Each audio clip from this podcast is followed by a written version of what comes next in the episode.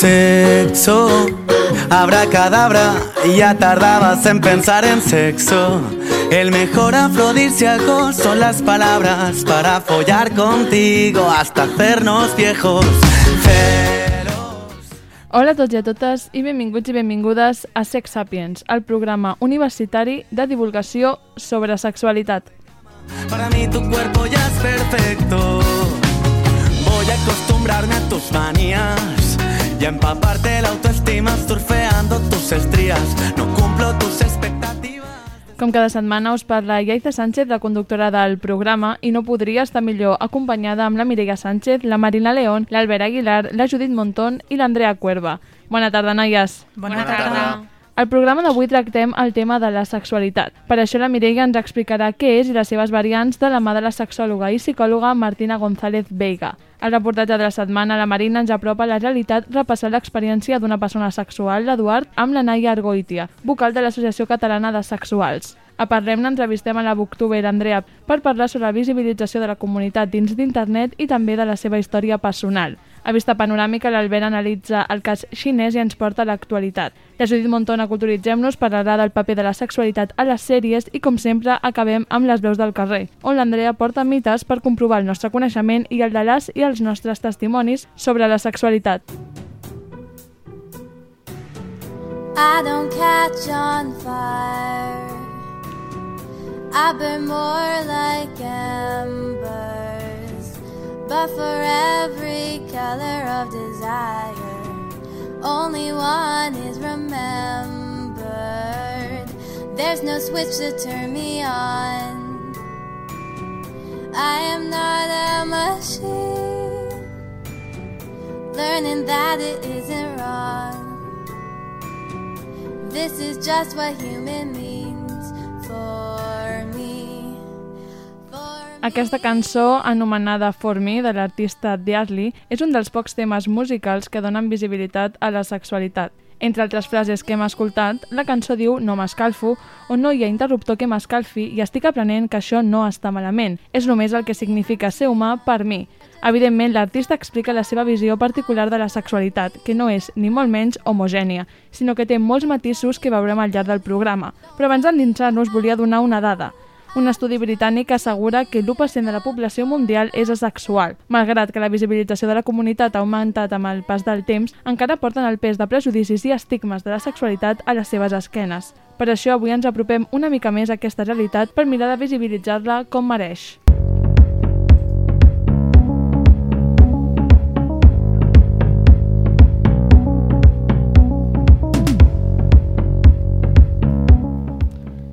L'any 2016, l'empresa de matalassos Flex va emetre un anunci en el qual es parlava de la sexualitat. L'anunci va generar molta polèmica en l'àmbit de la sexologia i fins i tot alguns sexòlegs el van anomenar la campanya de la ignorància, perquè asseguraven que ser asexual era impossible perquè tots som éssers sexuats des de que naixem. Però perquè l'anunci va tenir tant de ressò?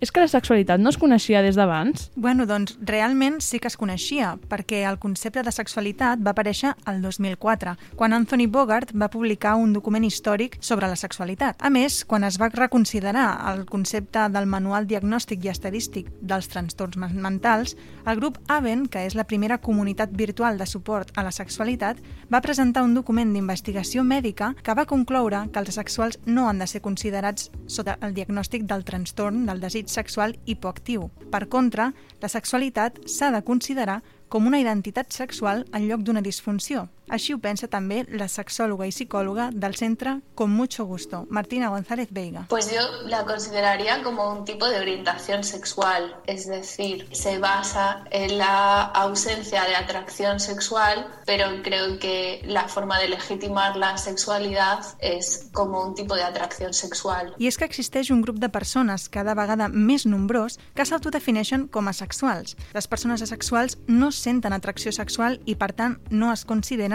heterosexuals, homosexuals ni bisexuals. El que sí que reclamen és el reconeixement per part de la societat dels drets de la seva sexualitat en qualsevol de les seves formes i, en conseqüència, també de la seva, la identitat asexual.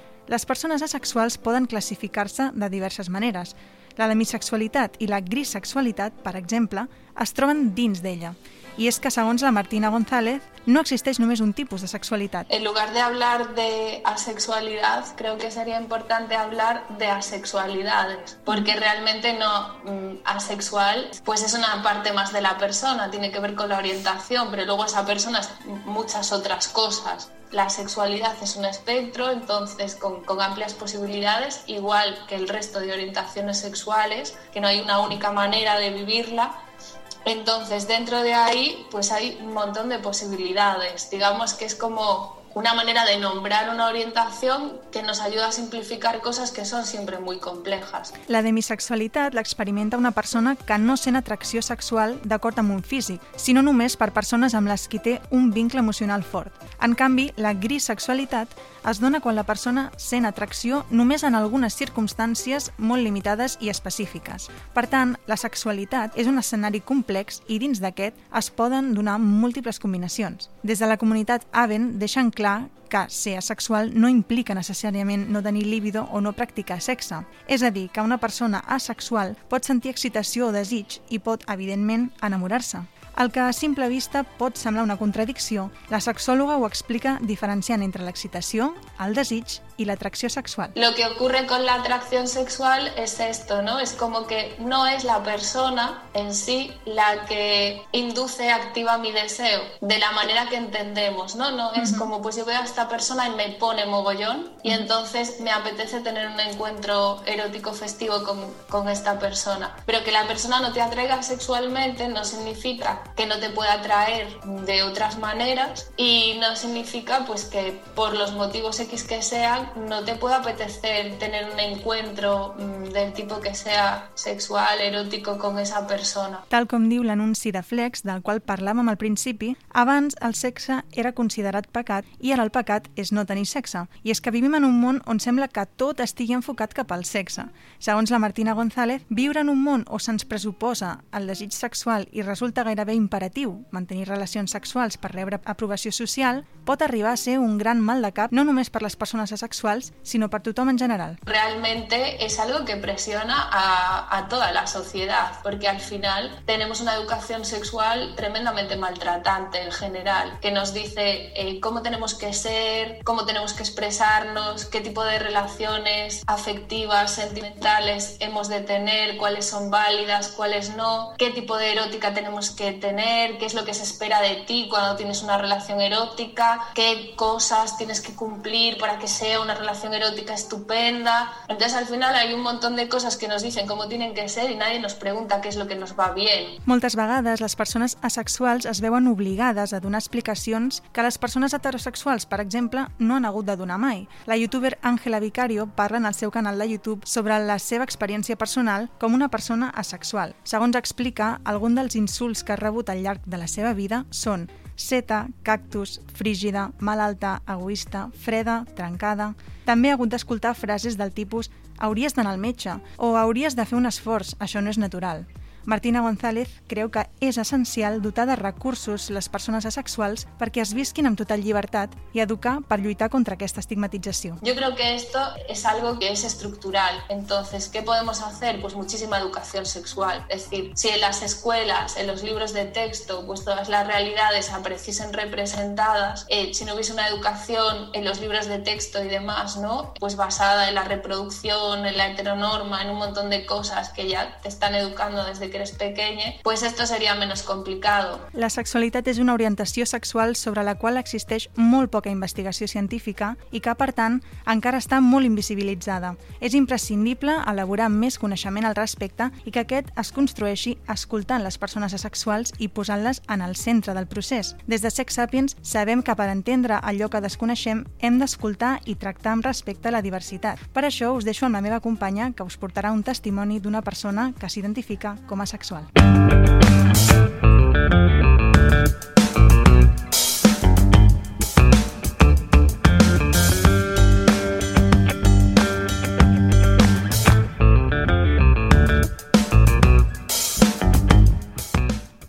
Durant molt de temps hi ha hagut una estigmatització de les persones asexuals i han estat sovint silenciades. L'Eduard té 50 anys, viu a un poble a la muntanya i té espina bífida i hidrocefàlia.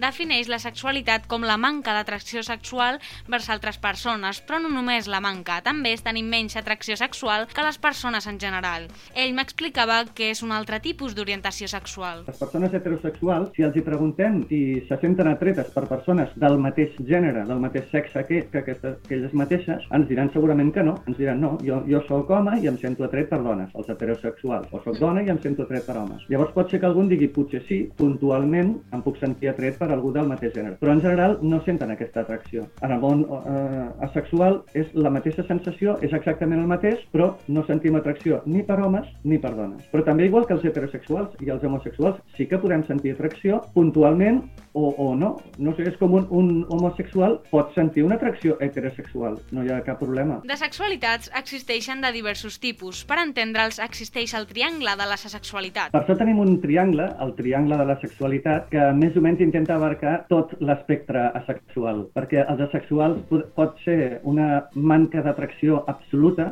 que no se sent uh, atret mai per cap persona, o bé pot ser senzillament que sí que tingui atracció sexual, però només amb, amb alguns estímuls o en algunes situacions. I llavors seria, no té tanta atracció com la població en general, però sí que pot tenir atracció. És un espectre. Ell, dins d'aquest triangle, es troba, diu, en un vèrtex perquè mai sent atracció sexual. Pensa que el que sí que pot sentir és desig sexual, però realment no ho sap, ja que sense tenir atracció sexual, m'explicava, és difícil diferenciar l'atracció del desig. No, doncs eh, en general sí que es masturben. En el meu cas concret no, però la majoria de persones asexuals sí que es masturben. El motiu és senzillament per disfrutar. Igual com poden anar al cine a veure una pel·lícula i s'ho passen molt bé, o poden sí. fer esport, o, o qualsevol activitat pla que dona plaer, o tocar música, o escoltar música, doncs de la mateixa sí. manera es poden masturbar. Com segurament us esteu adonant, la sexualitat és un tipus d'orientació sexual bastant invisibilitzat. Ell la va conèixer gràcies a internet. En el meu cas, ho, ho, vaig, eh, ho soc de sempre, però vaig descobrir aquest concepte gràcies a internet fa només un parell d'anys. He estat tota la vida pensant que era un tio raro i després, gràcies a internet i al Google,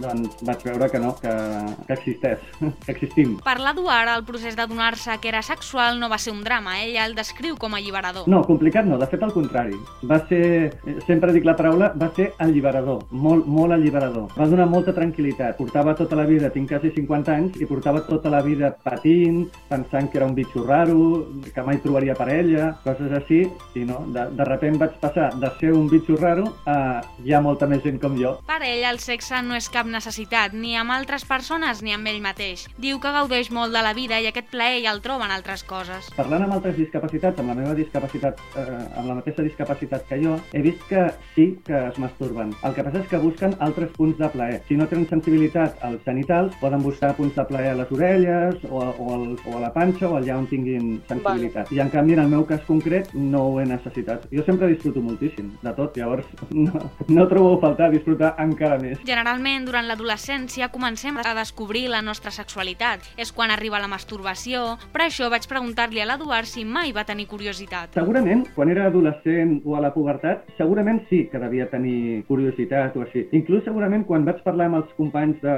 de classe als 17 o 16 o 15 anys, devia tenir, sí. però no ho recordo. Fa molt de temps i no ho recordo. I si, si en vaig tenir, no, no, ho vaig, no, no ho vaig practicar o no vaig buscar la manera de, de tenir sexe amb mi mateix. Va tenir una relació de dos anys sense sexe. Durant aquest temps, ser asexual no va suposar un problema, però va acabar sent la causa de la ruptura. No era un problema fins que va ser el problema. Principi de la relació, la noia aquesta té la mateixa discapacitat que jo sí. i jo vaig assumir que tampoc volia sexe i ella, de fet, em va dir, em va deixar clar que ni podia ni volia tenir sexe. Mm, era perfecte. Ja donava per suposat que eren, que eren fets tal per a qual. Però va estar, vam estar 17 mesos i al cap de 17 mesos em va reconèixer, va dir, doncs ho sento, em pensava que podia viure sense sexe, per sort havia dit que podia viure sense sexe, però no és així. Necessito obligatòriament sexe. L'Eduard va confirmar-me que pensar que les persones asexuals no tenen sexe és un mite. L'única excepció serien els sabers, un tipus de sexualitat en què tens aversió al sexe, que vol dir que poden arribar a considerar-ho una pràctica molt negativa o dolenta, senten rebuig i fàstic pel sexe. Per l'Eduard, l'Associació Catalana de Sexuals ha suposat un gran suport. M'explicava que les trobades ajuden molt per posar en comú les seves pors, dubtes, experiències i frustracions. La Naya Argoitia és vocal de l'Associació Catalana de Sexuals. Ens explicava que l'organització va néixer l'any 2017 i va ser el primer grup de persones a escala oficial que dona resposta a les necessitats de la comunitat asexual, la desestigmatització del col·lectiu i la seva visibilització. Fan xerrades i cursos de divulgació a més de trobades que faciliten el contacte amb la comunitat. També són una plataforma en què es poden denunciar la cefòbia, que pateixen, explica, tant en pràctiques mèdiques com psicològiques. Siendo una orientación muy sexual muy invisibilizada, mucha gente ni ha escuchado la palabra ni sabe de lo que se trata. ¿no? Y al visibilizar se encuentra con una realidad que, enja- que encaja en su vivencia. Y allí es cuando muchas personas contactan con, con nosotros. Y cuando contactan con nosotros, pues les damos apoyo, les damos una comunidad donde puedan hablar, expresarse ¿no? y validarse. Y muchas personas ya con encontrar es- estas vivencias y verse reflejadas ya sienten un, un alivio muy alto. Y por otro lado, pues les damos ayuda en casos de que haya pues mala praxis a nivel psicológico, a nivel pues a prácticas médicas y entonces pues hablar tanto con el profesional y dar información para que esto no vuelva a ocurrir como, como hacer denuncias en caso de, de que haya habido violencias, respetando siempre las necesidades de la, y la voluntad de la persona que, que ha sufrido la violencia. Des de l'associació creuen que la sexualitat no és cap tabú. Y los mismos asexuales nos cuesta validarnos porque, porque siempre parece que, que tiene que haber algún problema. Pero la- lo que considero tabú quizá es la hipersexualización que, de la sociedad, ¿no? La atracción física y el sexo son, son un pilar fundamental de las relaciones. Y en ese sentido, cuestionar ya no tan solo desde la sexualidad, sino desde otras orientaciones, la importancia que le damos a la atracción y al sexo, es algo que, que es un tema tabú. La Naya diu que el principal mite és pensar que a les persones asexuals no els hi agrada el sexe. Pues yo creo que el principal mito creo que es el que no les gusta el sexo. Y relacionado con eso, todo lo que se relaciona con el sexo normativamente, ¿no? Pues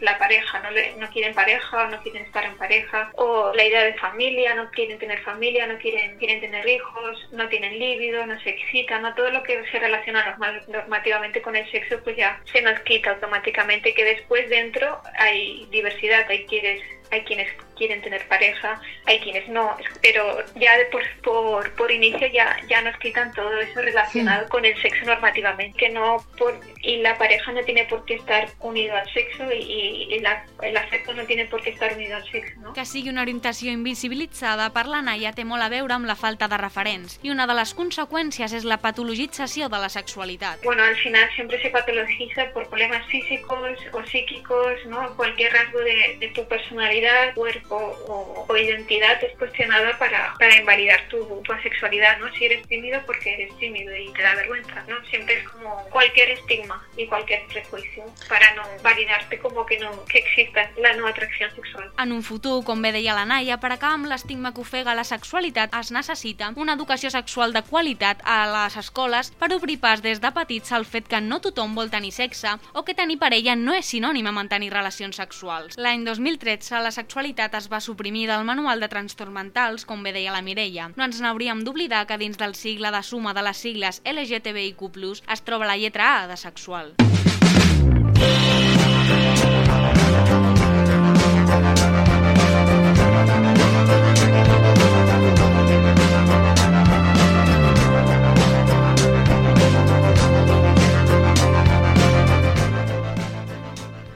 Avui entrevistem a la booktuber Andrea, que és asexual i aromàntica. Entre altres vídeos ha pujat alguns parlant sobre la seva experiència. A l'entrevista xerrem sobre com va descobrir que era asexual, l'estigma que ha trobat en algunes consultes psicològiques i què li suposa exposar una realitat sovint silenciada a la comunitat d'internet. Escoltem-la. M'agradaria començant doncs, preguntar-te com definiries la teva condició sexual. Jo em considero asexual i sóc asexual perquè no sent atracció sexual cap a ningú. I vaig, o sigui, vaig veure en un vídeo que també et consideraves aromàntica, si no m'equivoco. Sí, Què vol dir exactament això? és molt paregut. És, ser romàntica és no sentir atracció romàntica. Val. És a dir, que asexual seria més atracció física, potser, i aromàntica és més cap a tota la vessant, més amorosa, romàntica, sentimental. Mhm. I quan et vas començar a donar compte de que eres doncs, asexual i romàntica? Crec que va ser més o menys quan tenia 12 anys, per ahir, perquè és quan comença la pubertat i les hormones i tot això. La meva experiència era diferent a la de la gent de la meva edat que tenia al voltant. Per tant, vaig notar que hi havia alguna cosa estranya per ahir. I quan vas decidir dir-li al teu entorn que eres sexual? La veritat és que quan vaig trobar la paraula em vaig emocionar molt i ho vaig dir al moment. als meus amics, primer i després ja a la família, no realment utilitzant la paraula, sempre és explicant-ho millor, perquè si dius la paraula moltes voltes la gent ho malinterpreta i es pensa que és alguna xorra més de la gent jove. I millor explicar-ho en el cas de la família. I quines van ser les reaccions del teu entorn? Principalment han sigut positives, per sort. Però sí que he tingut alguna reacció com ai, però no vols tindre el teu príncep blau i coses així. Clar. O això ja canviarà quan et facis més major. Sempre n'hi ha algun, alguna resposta així, no? però mira, han passat 10 anys i encara estic així, igual. El que positiu és que per lo, pel que em comentes doncs, van ser positives les reaccions, mm. però moltes vegades no és així. I et va costar més dir-li que eres asexual? A la meva família, més. A la teva família en general? Sí. I per què? Perquè n'hi ha expectatives i no les complisc. per tant, tot això de voler veure'm en parella, voler veure'm casar-me, tindre fills, tot això. Clar, tota aquesta part més familiar. Sí, això queda un poc... No arriba a complir aquestes expectatives que té la família de mi. Per tant... Però bueno, em comentes que no li va costar massa acceptar-ho, aquest aquesta decisió, aquesta, doncs, aquest fet, per dir d'alguna manera? Els meus pares no, però la gent més major de la meva família Clar. sí. I parlem de la teva família, però a tu mateixa et va, et va costar acceptar-ho? És a dir, m'has comentat que vas sentir molta alegria quan et vas adonar que existia un terme que s'adequava doncs, al que tu senties i al que tu eres, però al final suposo que hi ha un autoprocés d'acceptació. Uh -huh. La veritat és que la sexualitat em va costar molt poc acceptar-ho, la part que em va costar més va ser la romanticisme, perquè sempre estan aquestes idees que s'idalitza tant les relacions sexu eh, sexuals, no, romàntiques, sí. que, bueno, les sexuals també. Jo crec que una però, mica tot. Sí, però les romàntiques s'idealitzen tant i s'insisteix tant en aquesta idea de ai, no seré una persona completa fins que no trobe algú en qui estar o algú en qui passar la meva vida. I em va costar molt saber que ell no seria el meu camí en la vida. I suposo que com a booktuber al final tens un lligam molt fort amb els llibres i vulguis que no, llegeixis el gènere que llegeixis, al final és complicat no trobar-te alguna relació amorosa. Sí. Aleshores, en aquest sí. sentit, vulguis que no, és com que tens uns referents, però és com, bueno, jo em sorteixo d'aquesta norma, d'aquest camí, i no passa res, però costa una mica, suposo, acceptar aquest procés. Sí. I alguna vegada has patit discriminació per fer de, de ser asexual? Ha sigut més que res certs comentaris per part de gent com dir que m'ho estic inventant, que ho faig simplement perquè soc, soc grossa i ningú sent atracció per mi i per tant jo dic que no sent atracció per ningú perquè no vull Un argument dubte molt vàlid. Sí.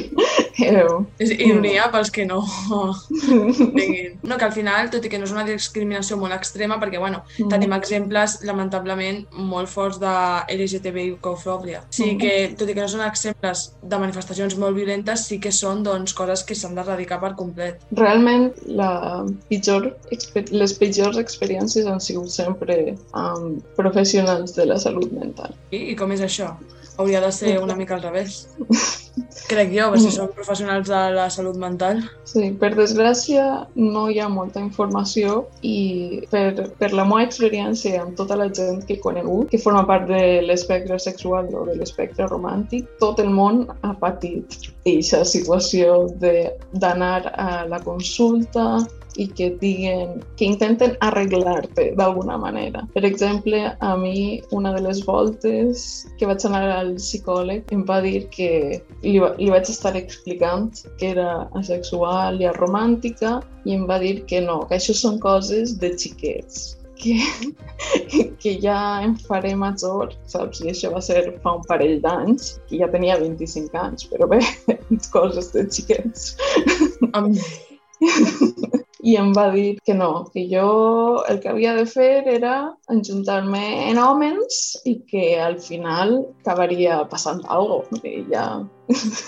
No, és que ja, al final això no s'ha quedat en una experiència puntual o s'ha anat repetint al llarg de més professionals? O ha sigut una Sí. experiència més puntual? S'ha anat repetint? Sí, es repeteix molt. I diguem que si eres una persona sexual i tens algun tipus d'enfermetat o d'enfermetat mental o necessites simplement anar al psicòleg, et planteges moltes coses perquè l'experiència general és roïna. Per Clar. tant, fa por eh, presentar-te en aquestes situacions, especialment si encara no tens clara la teva orientació o encara sents dubtes o no et sents bé del tot identificant-te dins d'un dels dos espectres. Clar que això tampoc fa falta estigmatitzar, que segur que hi ha professionals molt bons i, i molt bones, però clar, vulguis que no, xoca trobar-te amb això, tot i xoca bastant, i suposo que també t'afecta a nivell psicològic, perquè si tu vas a un lloc perquè t'entenguin i et reben d'aquesta manera,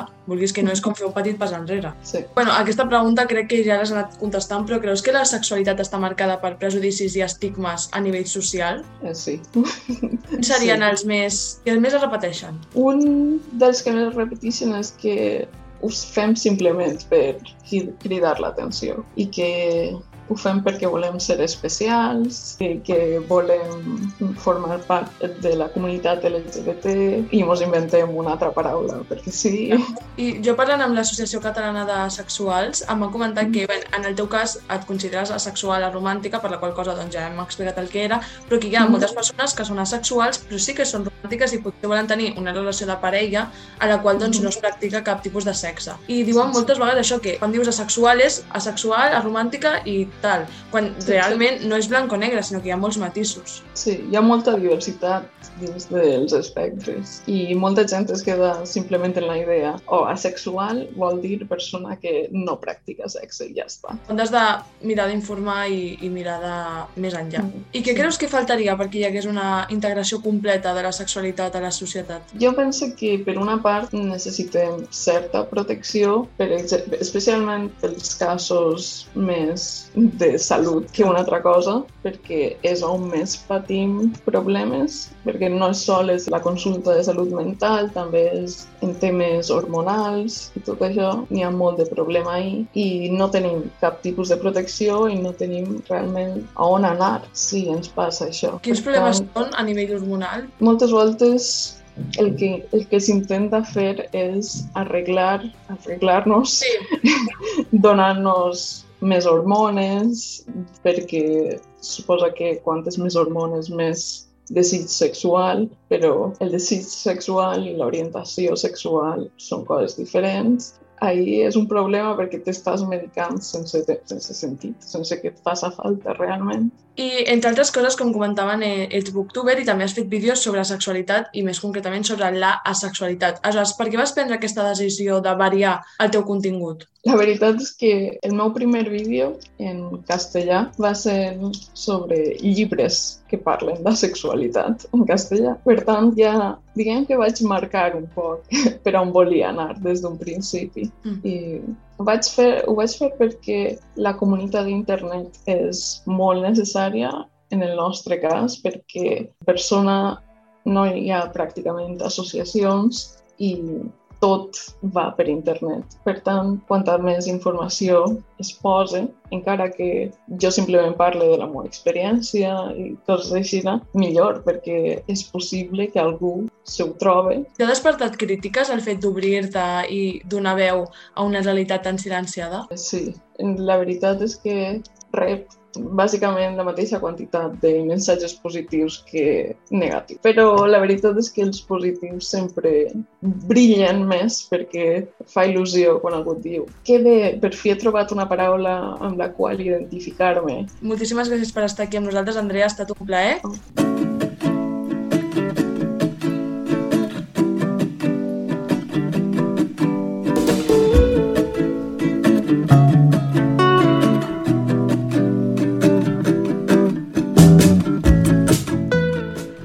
Doncs al llarg del programa hem estat parlant de la sexualitat, concretament en el cas espanyol i català, i ara l'Albert Aguilar ens portarà una mica a Xina per explicar-nos el que hi ha una mica per allà, no? Doncs sí, Yaiza, eh, la cultura xinesa li dona un gran valor a la família i els pares s'alarmen fins i tot amb la menor probabilitat que els seus fills romanguin solters i sense fills. La pressió per casar-se i tenir fills també és present a nivell governamental i l'Estat cada vegada està més preocupat per la crisi demogràfica a la Xina.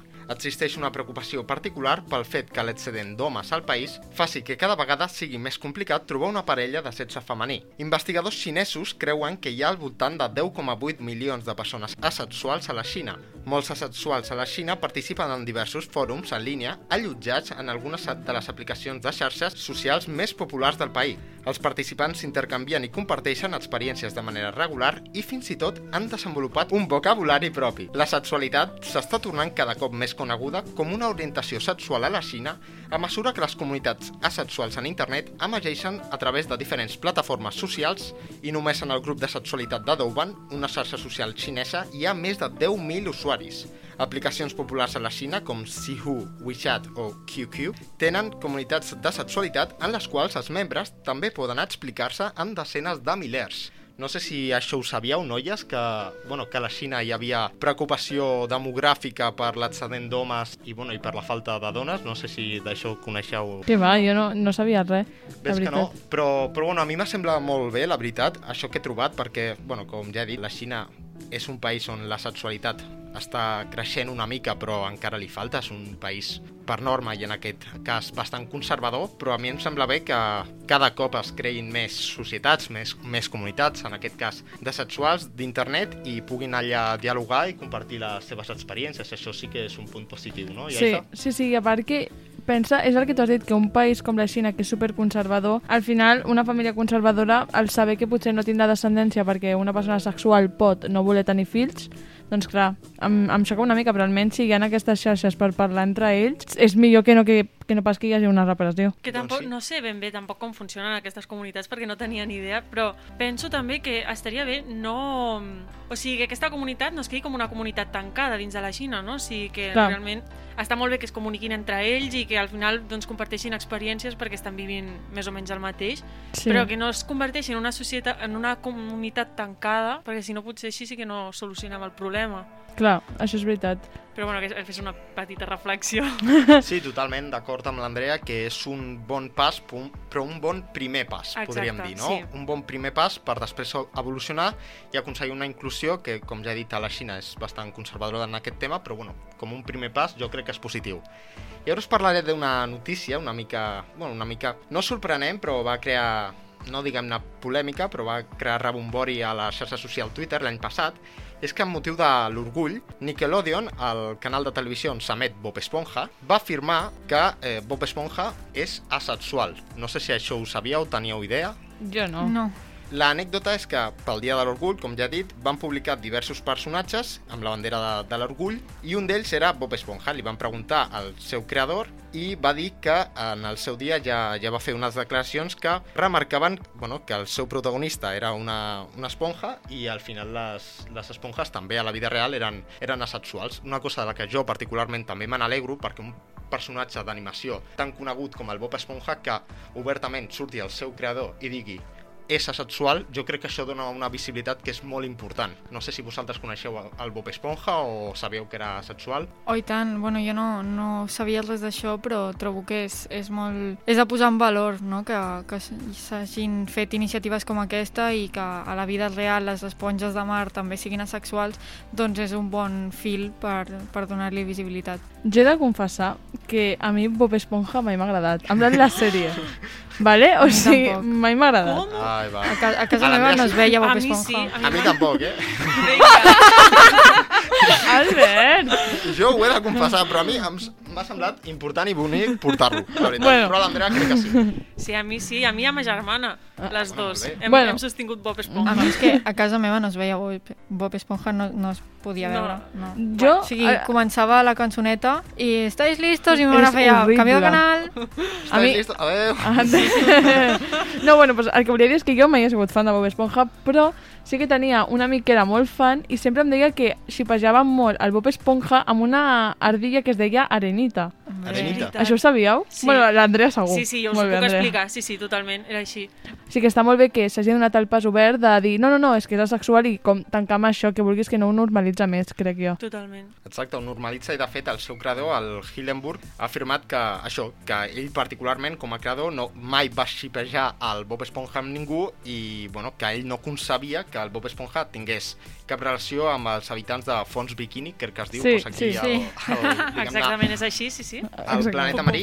I un altre personatge que també hem comentat abans aquí a, a la redacció, que també era sexual, bueno, des del, seu, des del punt de vista del seu creador, era el famós detectiu, investigador, el Sherlock Holmes. No sé si Sí. això ho sabíeu, Jaiza? Jo això ho sabia, la veritat. Um, bueno, és un mite molt extès, la veritat és que també crec que les històries de Sherlock Holmes no se centren molt en la seva sexualitat, però crec que no té parella i crec que és asexual, sí, sí, la veritat. No sé si Jo no tenia ni vosaltres- idea d'això tampoc. Bueno, jo he vist alguna sèrie i salta a la vista, de la manera Ah, sí? com la... Sí? Bueno, no sé, per... és com que el... No li agraden les relacions properes, sí, diguem-ne. té com una espècie de rebuig a tot el que és així més... Les Relacions relacions sexuals, sí, relacions afectives, en plan, li creen com rebuig, que per una banda penses, no, és que està superconcentrat en su causa, i no d'això, però sí que és veritat que quan van passant els capítols, no, te n'adones i dius, bueno, potser aquí hi ha una cosa més que no, que no s'està dient, i és això que dius tu, que és asexual. Sí. He de dir que també hi havia molts rumors que deien que Sherlock Holmes era gay, però no, és que, és que això és una cosa que passa molt amb els asexuals, en plan, un, un noi que no se sent atret o, públicament cap a cap dona o que jo que sé, li dius, oh, mira quin cul i no et contesta o no d'això, dius, és gay. Ha de ser gay. Ja, ja. Però potser no, igual és asexual. En plan, Clar, és una altra que cosa. encasillem molt ràpid a la gent amb el més conegut que no és, és homosexual, o, però igual no. Sí, Hmm. sí. Ja està, jo és que només volia dir això, que és com l'únic que sé del programa d'avui. Així que ara sí, si et sembla bé, Albert, acabem aquí la teva secció i donem pas a la Judit amb Culturitzem-nos.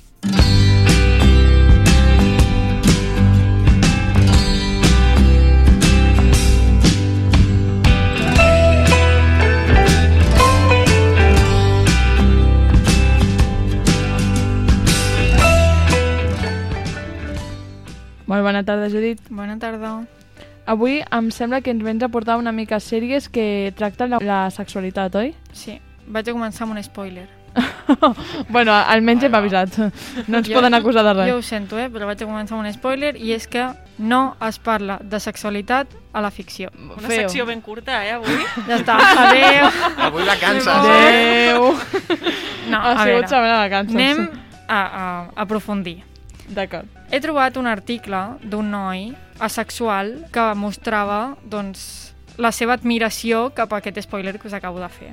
Parlava, per exemple, que la sèrie Friends, una sèrie amb tantíssimes temporades, amb tantíssima repercussió, no parla de sexualitat. I l'únic moment en el qual s'esmenta així ràpidament és relacionant la asexualitat amb la anormalitat. És a dir, acusen el Ross de ser asexual perquè porta més de dos mesos sense tenir sexe i es burlen d'ell amb això.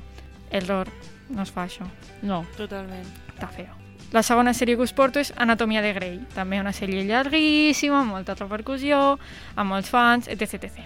Aquesta sèrie parla una miqueta més de sexualitat, però la fomenta amb estereotips discriminatoris. Per exemple, trobem una parella en què la dona té un tumor al cap que li impedeix sentir i l'home fingia, i això és... tampoc està bé. No, no li donem suport des d'aquí. No. Una sèrie que sí que posa més en valor la diversitat sexual és Sex Education. Tot i que el noi, de la, el noi que escrivia l'article posava èmfasi en que una persona asexual es podia sentir cohibida en alguns moments o incòmoda, ja que a la sèrie de Sex Education es parla moltíssim de sexe, està tota l'estona el sexe i el plaer sexual present i que una persona asexual doncs, es podia no sentir gaire còmoda amb aquestes dinàmiques. Sí que és cert que hi ha una noia asexual a la sèrie, que això potser ha passat desapercebut per molts de vosaltres, que és la Florence, una noia que ha sortit en alguns capítols i que acudeix a la consulta de la doctora Milburn i li diu que no entén perquè ella no vol tenir mai sexe i ella considera que, que està trencada, que li passa alguna cosa. I la, la doctora doncs, li diu que, que no, que és completament normal, que és asexual i que no passa res. Què en penseu? Bueno, jo és que Friends m'ha fet mal, clar, a mi m'agrada tant, però és una sèrie molt antiga que també té molts comentaris masclistes i homòfobs i de més. Per exemple, el Chandler sempre li feien broma que era homosexual perquè no tenia nòvies, bueno, un altre tema. Però clar, és, és lleig i els comentaris al final porten a una no visibilització que és el que s'ha d'erradicar i el que hem de reivindicar, no des d'aquí, jo crec. Sí, totalment. Doncs sí, jo també estic d'acord amb que bueno, és una verdadera llàstima que en el món de les sèries la, la sexualitat estigui tan poc visibilitzada i quan ho estigui sigui com els exemples que has dit de Friends o Anatomia de Grey, no? que són exemples que no porten No res porten de, res bo. Que res de perjudiquen, positiu, no? Exacte. De, sí, que perjudiquen i no, no milloren més. També és cert que jo he vist capítols sueltos de Friends, o sigui, no puc ser aquí la gran crítica, però suposo que en el seu moment Friends doncs, visibilitzaria els casos que es visibilitzaven en aquell moment, o sigui, potser Clar. hi ha casos d'homosexualitat o no ho sé, però potser en aquell moment es visibilitzaven les coses d'aquell moment i ara com aquestes coses estan més normalitzades, doncs és el moment de posar-nos en allò que no està normalitzat. Clar, és com a poc a poc, no? Friends Clar. és una sèrie de fa molts anys, Sex Education és més, Més nova, recent. no? I, Sí, bastant més. Està clar que si a Sex Education no es parlés de, de la sexualitat estaria fatal, o sigui... Clar, no, seria- jo veuria una hipoc- pitjor. Una Clar, clar, hipocresia totalment. increïble. Totalment. Seguint amb el món de la cultura i la asexualitat, us porto tres personatges reals, no personatges de ficció, com els que ha explicat abans l'Albert, que són, bueno, eren asexuals. El primer de tot és el Salvador Dalí, que tot i que tenia parella, la seva musa, la Gala, i tothom es pensava doncs, que eren una parella aparentment habitual, que no hem de confondre habitual amb normal. No. Ell va dir en moltes ocasions que no havien tingut mai cap tipus de relació sexual ni s'havien posat al llit. A més, ell admetia que no tenia cap problema amb que ella tingués relacions sexuals amb altres homes, fet que ella no era asexual. Però era, no, o sigui, no eren parella. Sí, no, sí, sí. Eren, eren parella, o sigui, estaven junts, estaven... que passa que ella tenia relacions sexuals amb altres homes. O sigui, una relació... Una Oberta, relació, no? El que, Oberta. el que avui dia diria, sí, una relació oberta. Clar. També crec que tenia una relació una mica d'artista musa, no? Sí, sí, sí, era completament això. Clar. Era completament això. Home, sí, a part Dalí sempre ha sigut com considerat superexcèntric, a veure, jo no sóc cap expert en història de l'art, però molt excèntric, així com molt modern. Sí. O sigui, bueno, a mi, sobretot per l'època, el fet de que tu tinguis una parella, que suposo que tindríem un lligam emocional, i que no et faci res que tinguis sexe amb altres homes, dones, home, ostres, és, Sí. una, és un bon indicador. un altre personatge que potser no havia descobert la meravellosa idea o el meravellós món de les relacions obertes era Kafka, que amb, amb una de les seves publicacions va escriure que el coito és el castigo por la felicidad de estar juntos. I ell va voler Oh. viure, o sigui, va evitar el matrimoni fins gairebé al final i deia que la seva manera de viure millor era com un solter que no té cap pretendiente. Clar. I crec que aquesta, aquesta, aquesta frase a mi m'ha semblat molt demolidora, no sé a vosaltres. Sí, a mi també, la veritat. A mi, de moment, Kafka m'agrada més que Dalí, la veritat. I sí que és veritat que, bueno, era l'escriptor sec, era, bueno, la seva vida, la seva personalitat era bastant trencadora amb tot i, i això és un, un aspecte de la seva personalitat que a mi particularment Sí. no, no em sorprèn però que per l'època, és clar que Sí. sí, era molt, molt I perquè trencador. ho odia, o sigui, aquella frase és de rebuig total. Sí, sí, no, és ni, 100%. no és ni tan sols indiferència, és odi el Sí, que sí. jo noto. Mm. O sigui que és molt, molt heavy.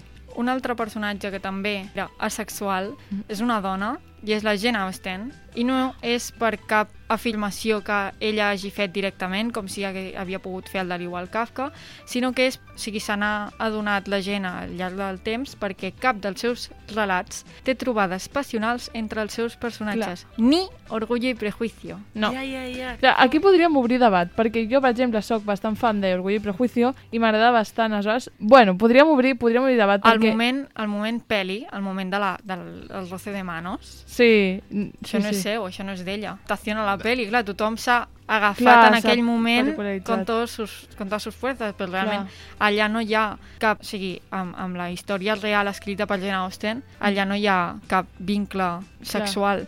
En canvi, per nosaltres sí, perquè és com que habitualment tenim la necessitat imperiosa de trobar sexe a tot arreu. Mm. No sé com ho veieu. Però és que fort, és que jo no tenia ni idea d'això. I ara que ho dius, em paro a pensar en, sobretot en Orgullo i Prejuicio i Sí. és que és veritat. És veritat, no ho havia pensat. Jo el que sí que crec que està super clar, en plan que crec que és innegable, és que la gent Austen, al, al, Austen, almenys en els seus relats, dona com un rebuig increïble al fet d'enamorar-se, tenir parella. També crec que perquè era el socialment imposat i, i suposava una repressió molt forta per la dona que avui en dia no és ni de bon tros la que era. Aleshores, clar, també aquí, mm, no sé si m'estic explicant, el Trencar, debat trencar tant amb tot, no? Clar, Que- és que a sobre no és només que pugui ser sexual, sinó que el fet de tenir parella és repressió total per la dona en aquells Mm. moments, saps? O sigui que els seus relats també són com super foscos, o sigui, no li agrada gens. Acabo la meva secció i els deixo tranquils amb la reflexió que la doctora Milburn li fa a la Florence a, a la sèrie Sex Education quan li explica no, el que és la sexualitat. I li diu que la sexualitat és fluida i que el sexe no és tot el que som. Per tant, li treu molta importància al sexe en la nostra identitat, cosa que considero que és molt important per estimar-nos. Doncs, no sé, molt maco aquesta reflexió de dir, eh? Jo crec que és la millor manera de tancar la secció i quasi el programa, però bueno, encara queda la secció de l'Andrea, així que, si vols, te demanaré que la repeteixis al final i així Perfecte. els oients es poden quedar amb l'essència i ara anem a veure què ens han dit les nostres testimonis a les veus del carrer.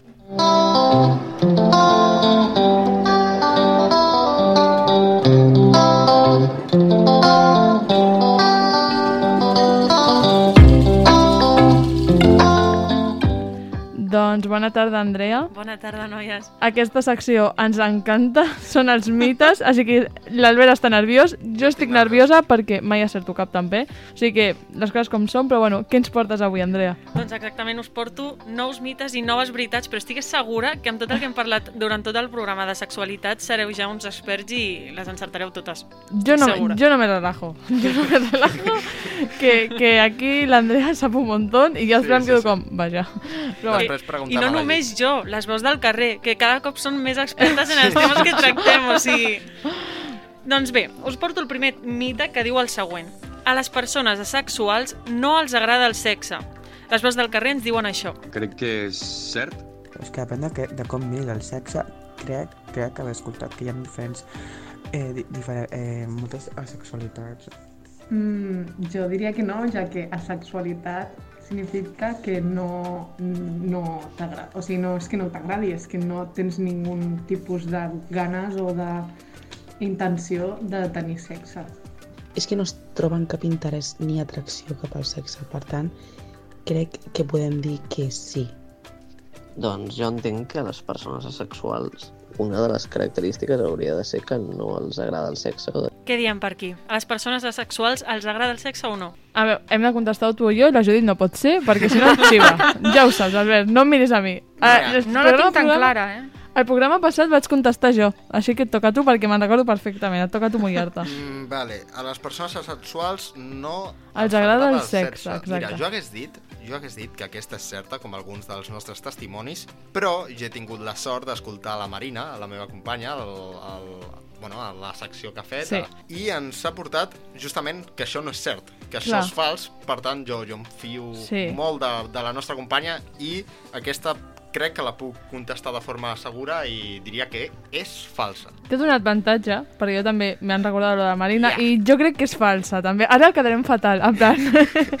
Però jo crec que és falsa, també. Jo crec que com tot s'ha de puntualitzar i no és que no t'agradi el sexe, sinó que no et crida l'atenció el fet de tenir sexe i no et ve de gust mai començar el moment sexe. Hmm. Doncs jo no sóc ningú per contradir la paraula de la Marina, o sigui que és totalment fals. Però, com ha dit la Judit, s'ha de puntualitzar. O sigui, en aquest àmbit hem de distingir tres conceptes diferents, que són l'atracció sexual, que es pot tenir per una persona, la libido i la voluntat de tenir sexe. Ser asexuals pot implicar tenir més dificultats per gaudir del sexe en el cas de les persones alo- alosexuals, que són les persones no sexuals.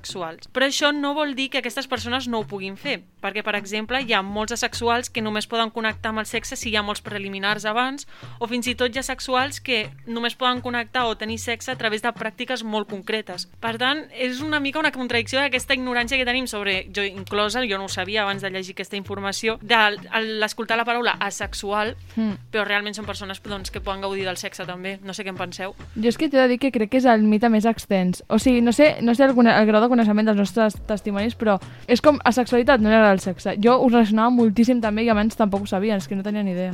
Jo igual que vosaltres, la veritat, eh, ho he dit abans, jo abans de la informació de la Marina i això que has dit tu ara que ens ajuda molt a les persones, bueno, jo m'he assabentat abans, però les persones que encara tenien dubtes sobre això, crec que és important que, que, que sàpiguen això, que Hmm. el sexe no, no només és això. Òbviament jo crec que no hem de, no hem de promoure discursos com el que parlàvem abans de Friends, no? de sexualitat, no, és que si fa molt temps que no tens relacions sexuals o, o no n'has tingut mai, ets asexual, perquè sí. Clar, totalment. S'ha de puntualitzar. El següent mite. La sexualitat és una elecció. Les veus del carrer opinen. Crec que és cert. Eh, jo crec que és falsa. Sí, la sexualitat, igual que totes les sexualitats, no és una cosa que escolleixis tu, és una cosa que és donada de per com ets. A veure, jo penso que no. Jo diria que la sexualitat no, no, és, una, no és una elecció. Jo no crec que la sexualitat sigui una elecció. Què en penseu? Jo crec que no. O jo sigui, aquesta jo... la tinc bastant clara. eh? Sí, però em dones l'avantatge que jo te l'he donat abans, Albert. Hoy por ti, mañana por mi. Vale. Però no, jo crec que no és una elecció, jo crec que al final és algo que sents, neixes i, i no, jo crec que no. Jo estic. Spoiler, no.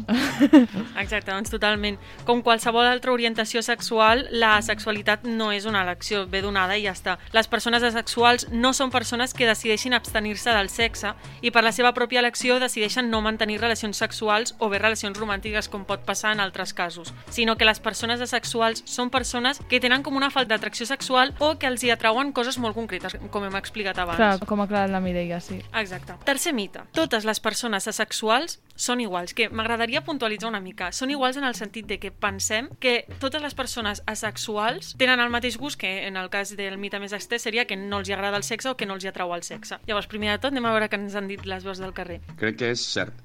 Pues no, pues no, no sé què diu això, però està super equivocat. No, cadascun és diferent i cadascun fa el que li agrada.